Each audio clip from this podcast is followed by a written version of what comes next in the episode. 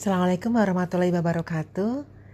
Kali ini kita akan bicara tentang kapan sih COVID akan berakhir, kapan kita bisa jadi cantik lagi, kapan kita bisa jalan-jalan.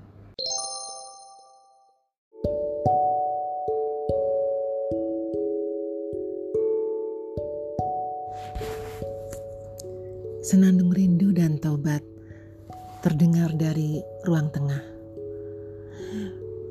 Biung, biung, ojo bingung iki zamane wis pengung.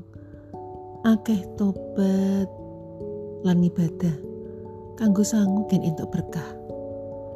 Dokter Mursid tergolong orang yang rajin dan tekun bekerja. Setiap hari beliau selalu masuk ke kantor terus praktek dan tidak pernah absen kecuali sakit atau bepergian karena urusan kantor. Hari ini, beliau terpaksa harus dikarantina di hotel karena hasil pemeriksaan lab menunjukkan positif terkonfirmasi COVID-19. Di Farah, kita sesama tenaga medis selama ini sudah bekerja sesuai prosedur, memakai baju APD sejak pintu masuk. Tapi kenapa kita masih terkena ya? Mas Mursid, kalau saya cermati, virus ini memang semakin hari semakin bertambah jumlahnya. Terbukti semakin banyak yang kena. Jadi kita selama ini salah mengira kalau yang kita sapa di mana-mana itu ternyata positif juga. Dokter Mursid tampak membenarkan maskernya dengan memanjat HP meneruskan percakapan dengan Dokter Farah lewat speaker HP. Di Farah, baju yang selama ini kita pakai sebenarnya kan terpapar virus juga. Terus ruangan operasi kita juga tertutup dengan AC sentral otomatis. Virus yang berterbangan akumulasinya lebih banyak di ruang yang tertutup.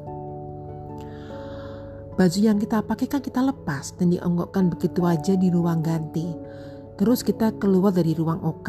Setelah itu memakai baju biasa keluar dari ruang bertemu lagi dengan pengunjung rumah sakit. Dokter Mursid menaruh HP di pangkuannya dan mulai menyendokkan jelly yang berisi vitamin C 1000 mg. Mas, kenapa kok tenaga medis banyak yang jadi korban? Karena memang jumlah paparan terbesar kan di rumah sakit. Kalau semua positif di karantina, siapa yang jaga rumah sakit? Terdengar suara Vina dari HP yang dikeraskan suaranya.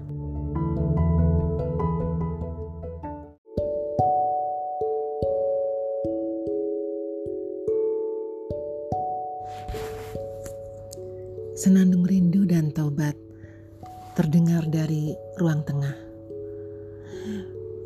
Biung, biung, ojo bingung iki zamane wis pengung. Akeh tobat lan ibadah kanggo sangu gen entuk berkah. Dokter Mursid tergolong orang yang rajin dan tekun bekerja.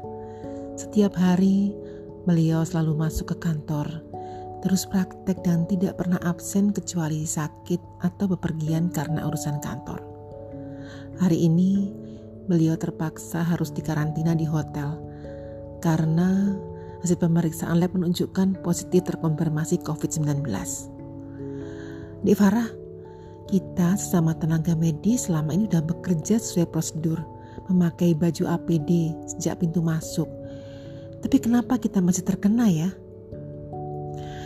Mas Mursid, kalau saya cermati, virus ini memang semakin hari semakin bertambah jumlahnya. Terbukti semakin banyak yang kena. Jadi kita selama ini salah mengira kalau yang kita sapa di mana-mana itu ternyata positif juga. Dokter Mursid tampak membenarkan maskernya dengan memanjat HP meneruskan percakapan dengan Dokter Farah lewat speaker HP. Di Farah, baju yang selama ini kita pakai sebenarnya kan terpapar virus juga. Terus ruangan operasi kita juga tertutup dengan AC sentral otomatis. Virus yang berterbangan akumulasinya lebih banyak di ruang yang tertutup. Baju yang kita pakai kan kita lepas dan dionggokkan begitu aja di ruang ganti. Terus kita keluar dari ruang OK. Setelah itu memakai baju biasa keluar dari ruang bertemu lagi dengan pengunjung rumah sakit. Dokter Mursid menaruh HP di pangkuannya dan mulai menyendokkan jelly yang berisi vitamin C 1000 mg. Mas, kenapa kok tenaga medis banyak yang jadi korban? Karena memang jumlah paparan terbesar kan di rumah sakit. Kalau semua positif di karantina, siapa yang jaga rumah sakit? Terdengar suara Vina dari HP yang dikeraskan suaranya.